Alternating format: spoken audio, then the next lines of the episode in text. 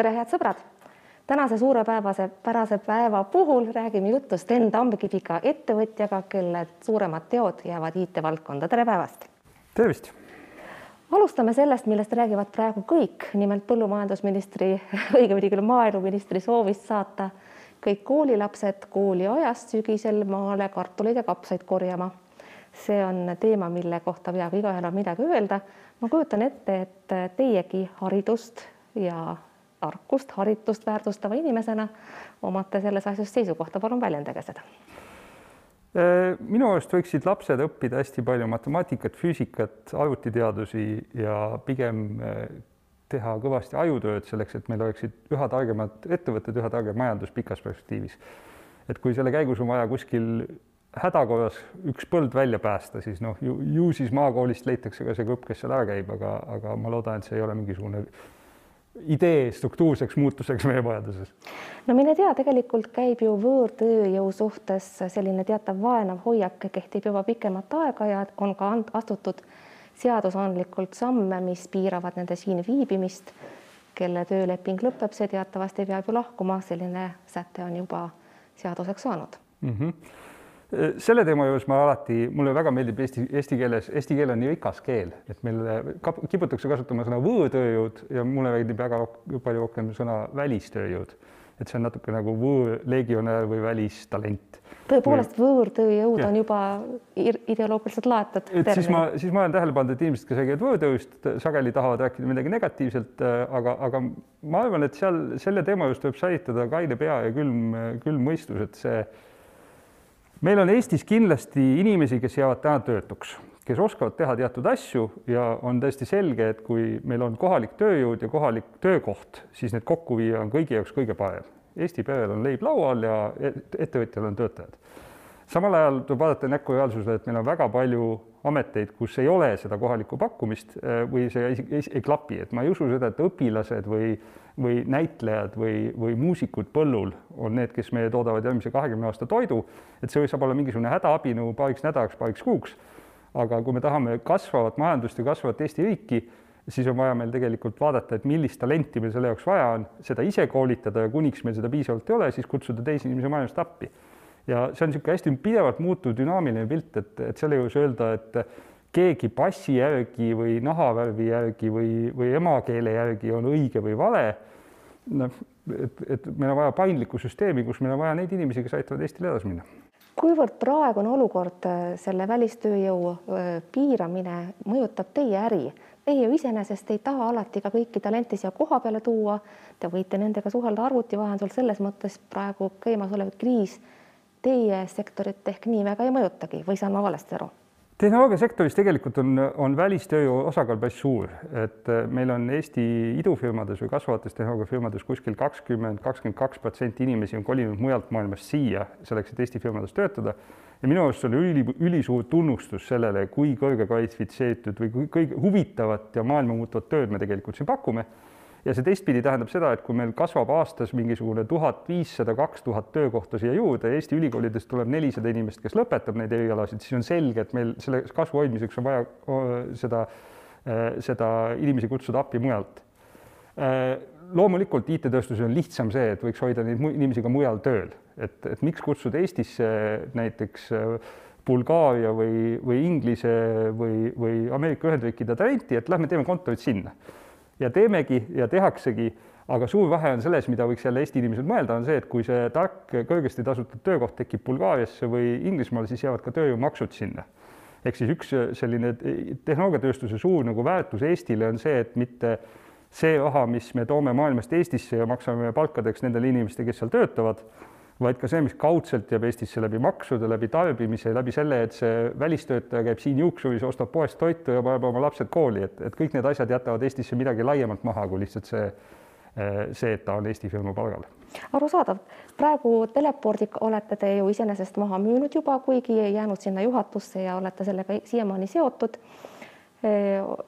kas, kas võiks öelda, et tagantjärele praegust kriisi arvestades kuna see ettevõte ju tegutseb inimeste kolimisega, eks ole, seotud, on seotud inimeste kolimisega ühest kohast teise, siis võib-olla on teil isegi hea meel, et müüsite, piirid on kinni, no mis sa seal ikka kolid?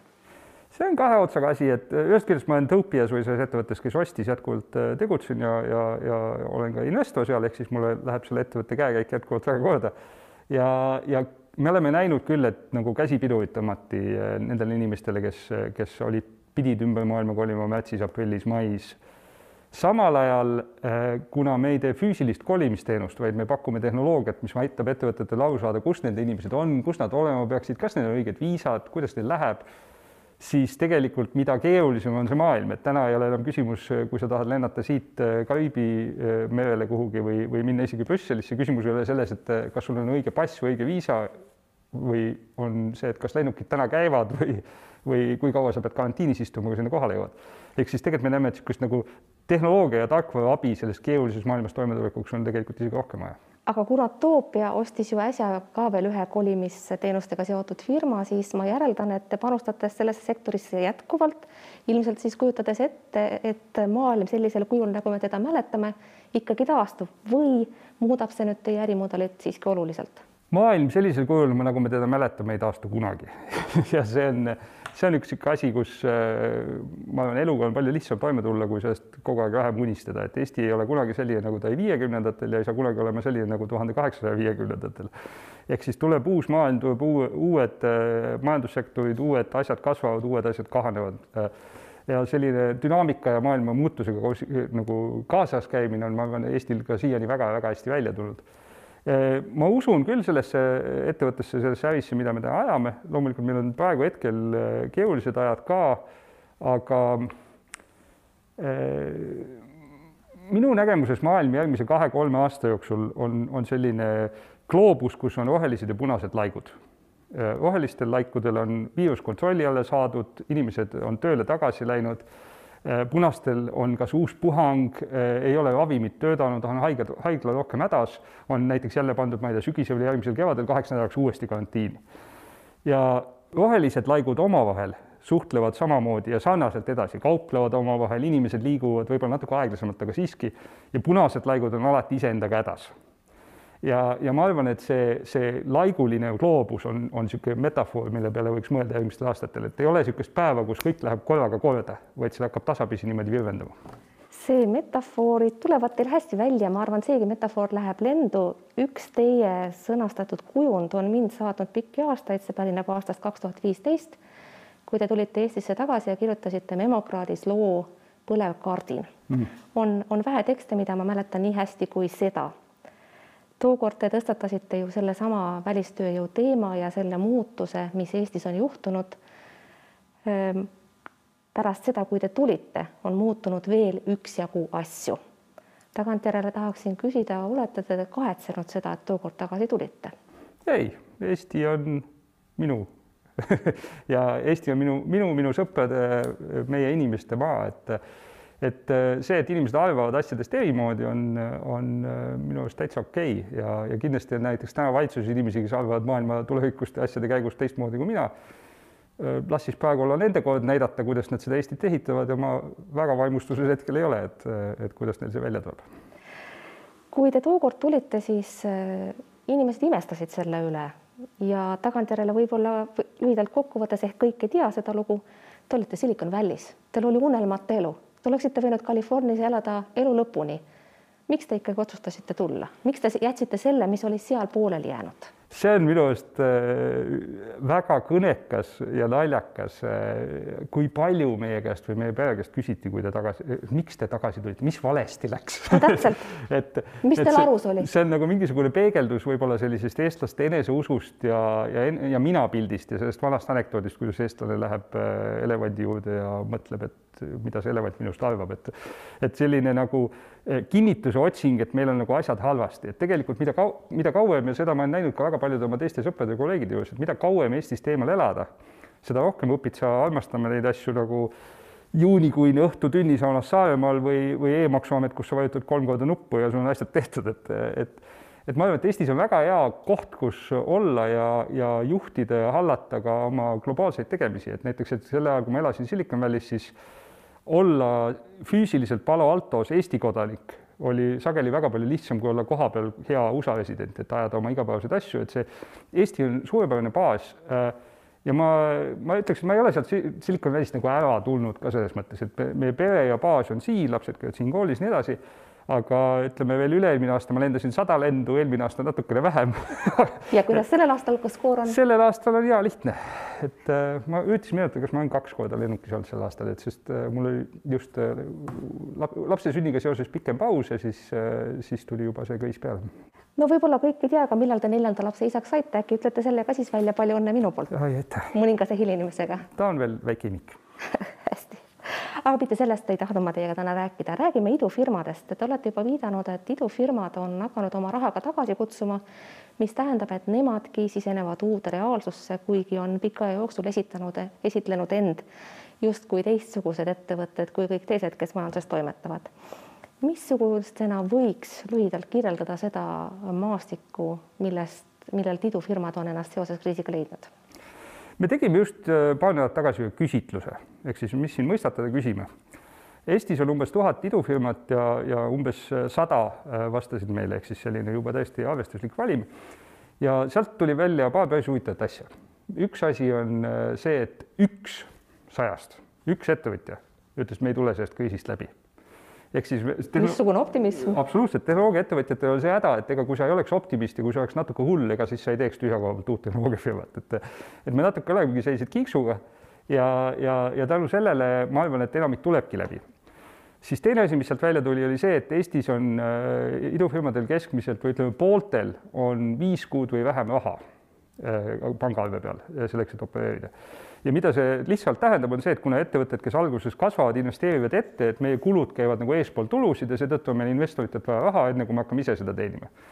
Ja samal ajal, kui sul on viis kuud raha, siis see mõnes mõttes tundub nagu niisugune üsna paanikaolukord, aga teisest küljest ega tegelikult Eesti vanalinna restoranil ei ole kuidagi parem seis, et pigem hullem ja ma arvan, et idufirmad pigem hullem on..., nemad on ju praegu juba peost suhu ja varsti uksed kinni. täpselt et me oleme, me oleme, ma arvan, idufirmad, kelle vaikimise olukord on ärasuremine, eks see on õnn ja ime, kui sa suudad ettevõtet kogu aeg suuremaks ehitada ja ta lõpuks tööle jääb. et siis me oleme kuidagi rohkem harjunud ja see meie jaoks on nagu tavalisem olukord, millega to toime tulla.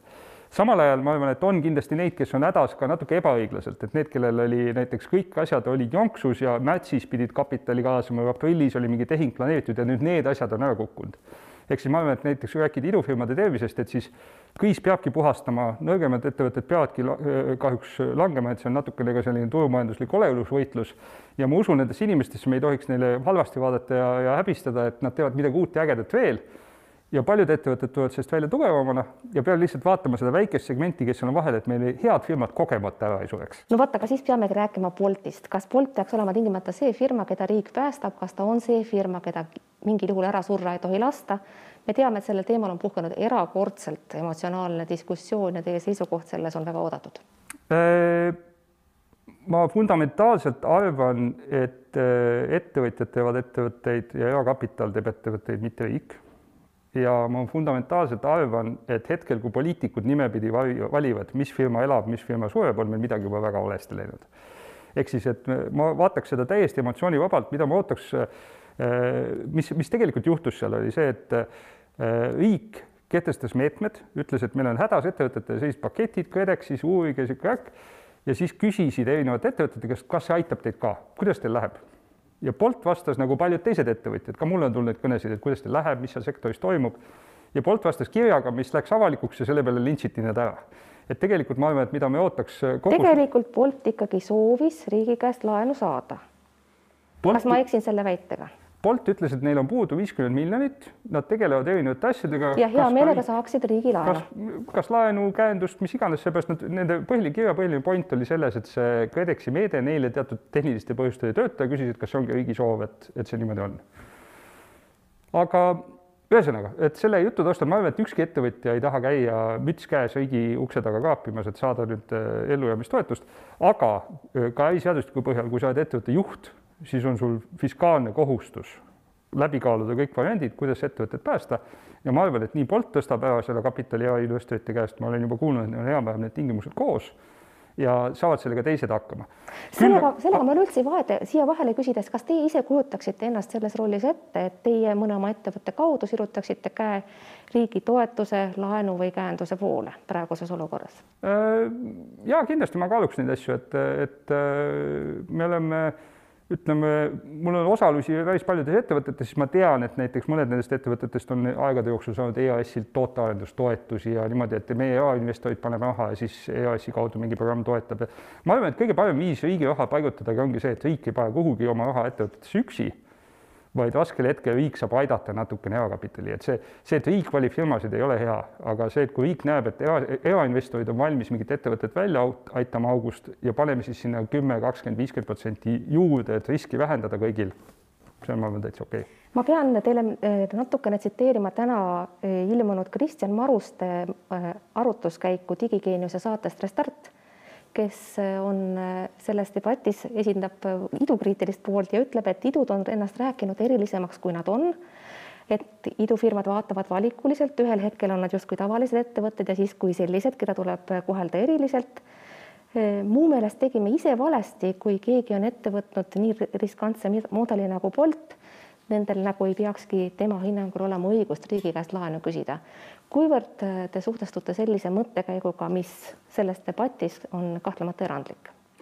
ma arvan, et see ei ole erandlik ja ma arvan, et Kristjan on väga tore, tore sõber, et et äh, temaga on väga huvitav neid asju arutada ja üldse idu, nende idufirmade asutajate seas on ka erinevaid vaateid sellele, et sõltuvalt, kus ja mis seisus kellegi firma on äh, ma arvan, et Kristjanil on selle koha pealt väga õigus, et idufirmade ümber on selline aura või maine, mis mõnikord vastab tõele, mõnikord mitte. sinna mainesse kuuluvad alljärgnevad asjad.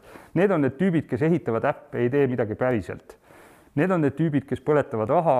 teiste raha, mitte enda raha. raha nad ise ei teeni. Need on need tüübid, kes istuvad palli meres, on ju, ja kuskil väljas ei käi. et tegelikult, mida me oleme, mida ma arvan, et see sektor on teinud väga-väga hästi, on see et ükshaaval neid müüte mitte sõnadega, vaid tegudega näidanud, need ei ole enam tõsi.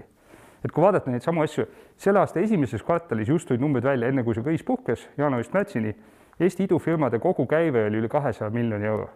mitte see, mis me investoritelt saame, vaid see, mida kliendid maksavad, uus raha, mis tuleb Eestisse ühe kvartaliga me maksime kakskümmend viis miljonit tööjõumakse, see tähendab, et me ei istu kuskil pallimeres, vaid reaalselt Eesti õpetajate ja tuletõrjujate ja arstide palgad, kes eesliinil praegu viirusega võitlevad, et väga suur kasvav osa sellest panusest. et Eesti äh, idufirmades töötab täna üks protsent Eesti töötajatest elanikest, üle kuue tuhande inimese ja me oleme kuskil kolm protsenti SKP-st. ja kui sa vaatad, kui vaadata neid kõveraid, et kuidas need nagu tulevikus suunas edasi lähevad ja siin ongi võib-olla see koht, kus ma tahaks, et riik nagu vaatakski seda selle nurga alt, on see, et riigi juhtimine, majanduse juhtimine makrotasandil ei peaks käima mitte selle üle, et kes märtsis kaks tuhat kakskümmend saab raha või mitte, vaid me peaks rääkima sellest, et milline on Eesti majandus kaks tuhat kolmkümmend ja vaadata, et kes selles suunas liiguvad ja riiki sinna viivad ja neid ka aitame. kohe sinna jõuame, ma ei saa jätta meenutamata Jüri Käod, kes ennustas ka, et idufirmadel läheb elu raskemaks, kuivõrd nad võivad ka väga suure käibe juures väita, et oh, kasum, see on midagi, mis tuleb alles tulevikus. Ehm, ta on Käo viitas sellele, et tõenäoliselt tehnoloogiafirmade juhtiv roll majanduse vedurina ei kao kuhugi, küll aga raha kaasamine muutub raskemaks, pealegi eelistavad tema hinnangul tulevikku eh, raha paigutavad ettevõtjad ja õigemini investorid siis neid asju, mida saab käega katsuda. Teie aga pakute meile siin ju tavaliselt neid asju, mida pihku võtta ei saa. kogu austuse juures Jüri Käo vastu. Eh, ta istub ilmselt täna oma kodus või oma kontoris kasutab tehnoloogiafirmade tehtud arvutit, tehnoloogiafirmade tehtud tarkvara, helistab Zoomi kõnedesse, loeb Google'ist emaili ja nii edasi. kõik need ettevõtted olid kolmkümmend aastat tagasi idufirmad ja ma arvan, et Eesti maailmapildil äh, ei ole mitte küsimus selles, et kas äh, tehnoloogia tekib ja muudab maailma ja kas investorid sinna raha panevad, sest need ettevõtted, keda ma loetlesin, need on kõik väärt triljon dollarit ja rohkem. Neid on juba neli-viis tükki, kes on selle maagilise piiri ületanud kõik need idufirmad, kes meil täna on, on katse, et me Eestis ainult ei tarbi seda, mis mujal leiutati, vaid me leiutame ise ka. ja see, see, see ei ole lihtne ja see ei ole, see ei ole automaatselt juhtuv asi, millele võib alati loota, vaid see on suur pingutus, et me sinna jõuaksime. Sten Tammukivi, meie käsutuses aeg on, ole, olev aeg on lühike, aga ma tahaksin teiega kindlasti rääkida sellest, mis saab edasi head kriisi ei tohi lasta raisku minna, see on täitsa selge. puhastus tulele kui tõra, terade ja sõkalde eraldajale te juba ka viitasite. missugused võiksid olla need muutused, mida me omalt poolt tingimata peaksime taotlema siis ka riigi tegevuste abil, et need viiksid meid sellesse tulevikku, kus me ennast tõepoolest leida tahaksime mm. -hmm. ja võib-olla tagasi hüpates selle juurde, et, et, et milline see Eesti võiks olla kaks tuhat kolmkümmend, et see on, see on ka võib-olla see asi, kus ma saan aru, et valitsusel hetkel kriisikomisjonis on väga raske ja pikad tööpäevad ja vaja arutada igasuguseid taktikalisi küsimusi. tegelikult ega selle aasta jooksul me ei ole ka kuulnud sealt valitsuselt, milline see Eesti olema saab, peale selle, et aeg-ajalt keegi ütleb, aga seal võiks vähem välismaalasi olla. aga kui hakata sealt tagasi ehitama, siis mina usun selliseid asju ja kui keegi tahab väidelda, siis hea meelega väitlen. et äh, maailmas on näidatud, on, on üks Itaalia professor Moetti, kes töötab Berkeley ülikoolis, kes on ära näidanud, et üks eksportiv kõrgtehnoloogia töökoht kuskil piirkonnas toob sinna viis koma kaks muud töökohta. ehk siis piltlikult öeldes, kui sul on üks Facebooki arendaja, üks Bolti arendaja, üks Transferwise'i arendaja, kes, kes kirjutab koodi kuskil, mida kasutatakse üle, üle maailma siis ta sõidab autoga koju, ta rendib korterit, lapsed käivad koolis, ta ostab süüa, käib restoranis, juuksuris ja ta on advokaat ja kõik need asjad lisavad töökohti majandusse. kui sealt tagasi hakata arutama, Eestis on kuussada nelikümmend tuhat töötavat inimest.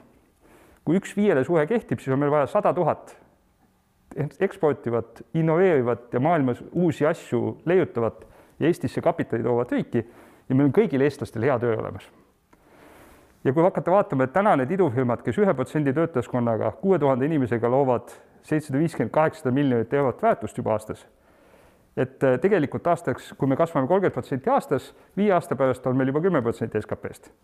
me vaatasime korraks ette nüüd aastasse kaks tuhat kolmkümmend, aga vaatame natuke lähemasse aega, vaatame aastasse äh, jah, no või, või, või natuke vähem siis. Te olete viidanud ka sellele, et äh, mis õigupoolest oli ikkagi paarikümne aasta perspektiiv, et me võiksime siis kujutada ette, et see hetk, kuhu me oleme praegu jõudnud, on, on see, kus saab teoks digipööre sellisena, nagu me võib-olla kunagi seda ette ei kujutanud. ehk siis te peate silmas, et haridus kolis internetti, teadus ja meelelahutus, kuidas te seda ette kujutate? tegelikult me tahame ikkagi ju ka üksteist silmast silma näha ja noh, olgem ausad, arvutist ikkagi siiamaani suppi ei tule, kuigi mina olen seda oodanud juba kakskümmend viis aastat, pole siiamaani juhtunud piltlikult öeldes tuleb, Bolti või Wolti äpiga no, tuleb. natuke Aga..., natuke parem kui kuuskümmend aastat tagasi. ja äh, mina igatsen ka inimesi, et see, see ei ole, ma arvan, et väga palju mis meid häirib võib-olla Eesti ühiskonnas laiemalt, on sellised katsed lahterdada, et inimesed on head või halvad, konservatiivsed, liberaalsed, äh, targad või rumalad, et tegelikult maailmas ei ole neid mustvalgeid või et maailm on halltoonidega koht. ja, ja täpselt samamoodi me oleme liikunud sellise kasvukõvera peal, äh, kus väga paljud asjad muutuvad tehnoloogiliseks ja väga paljud asjad äh, noh, tegelikult ettevõtted, millega mina seotud olen, me oleme töötanud kodust ja hajutatult viimased viis-kümme aastat Skype'is juba viisteist aastat tagasi tegime seda üle maailma väga edukalt aga täna see on nii-öelda nagu selline poes on, on niisugune reklaamikampaania, kus, kus kõik saavad mingit asja tasuta proovida. et täna on nüüd väga palju inimesi, kellele võib-olla kolm kuud tagasi ütles ülemus, et ei, sinu töö on siis, kui sa kontoris oled. Järsku vaatavad, tegelikult ei ole äkki ma olen efektiivsem, äkki ma saan neid asju teha. ja samal ajal ma avastan ka palju puudusi, et kõik me, kui mul on kaks kooliealist last kodus, kes samal ajal, kui mina seal töötan, üritavad kooliasju teha, et siis me kõik näeme, et seal on ka palju puudujääke et see mõte, mida ma olen väljendanud, on see, et kui tuleviku ajaloolased eh, kirjeldavad aastat kaks tuhat kakskümmend, siis nad ütlevad, et enne seda tehti nipet-näpet nalja internetis ja nüüd hakati päriselt kasutama. Ja, ja see, kuidas see päriselt kasutamine, see ei tähenda, et kõik on valmis ja kõik süsteemid on lõplikud, vaid see tähendab nüüd, et ma arvan, et väga palju uusi vasikaid on karjamaale lastud või selline nagu paisu tagant eh, väljend-, väl-, vallandumise tunne, kus, kus järsku see on kõigi vanemate asi, et kuidas hea e-õpe välja näeb, mitte sellise paari hullu tehnoloogia oma tõepoolest hästi lühidalt vastates meie, meil on loetud sekundid aega, mida teeb see praegune kriis meie väärtustega?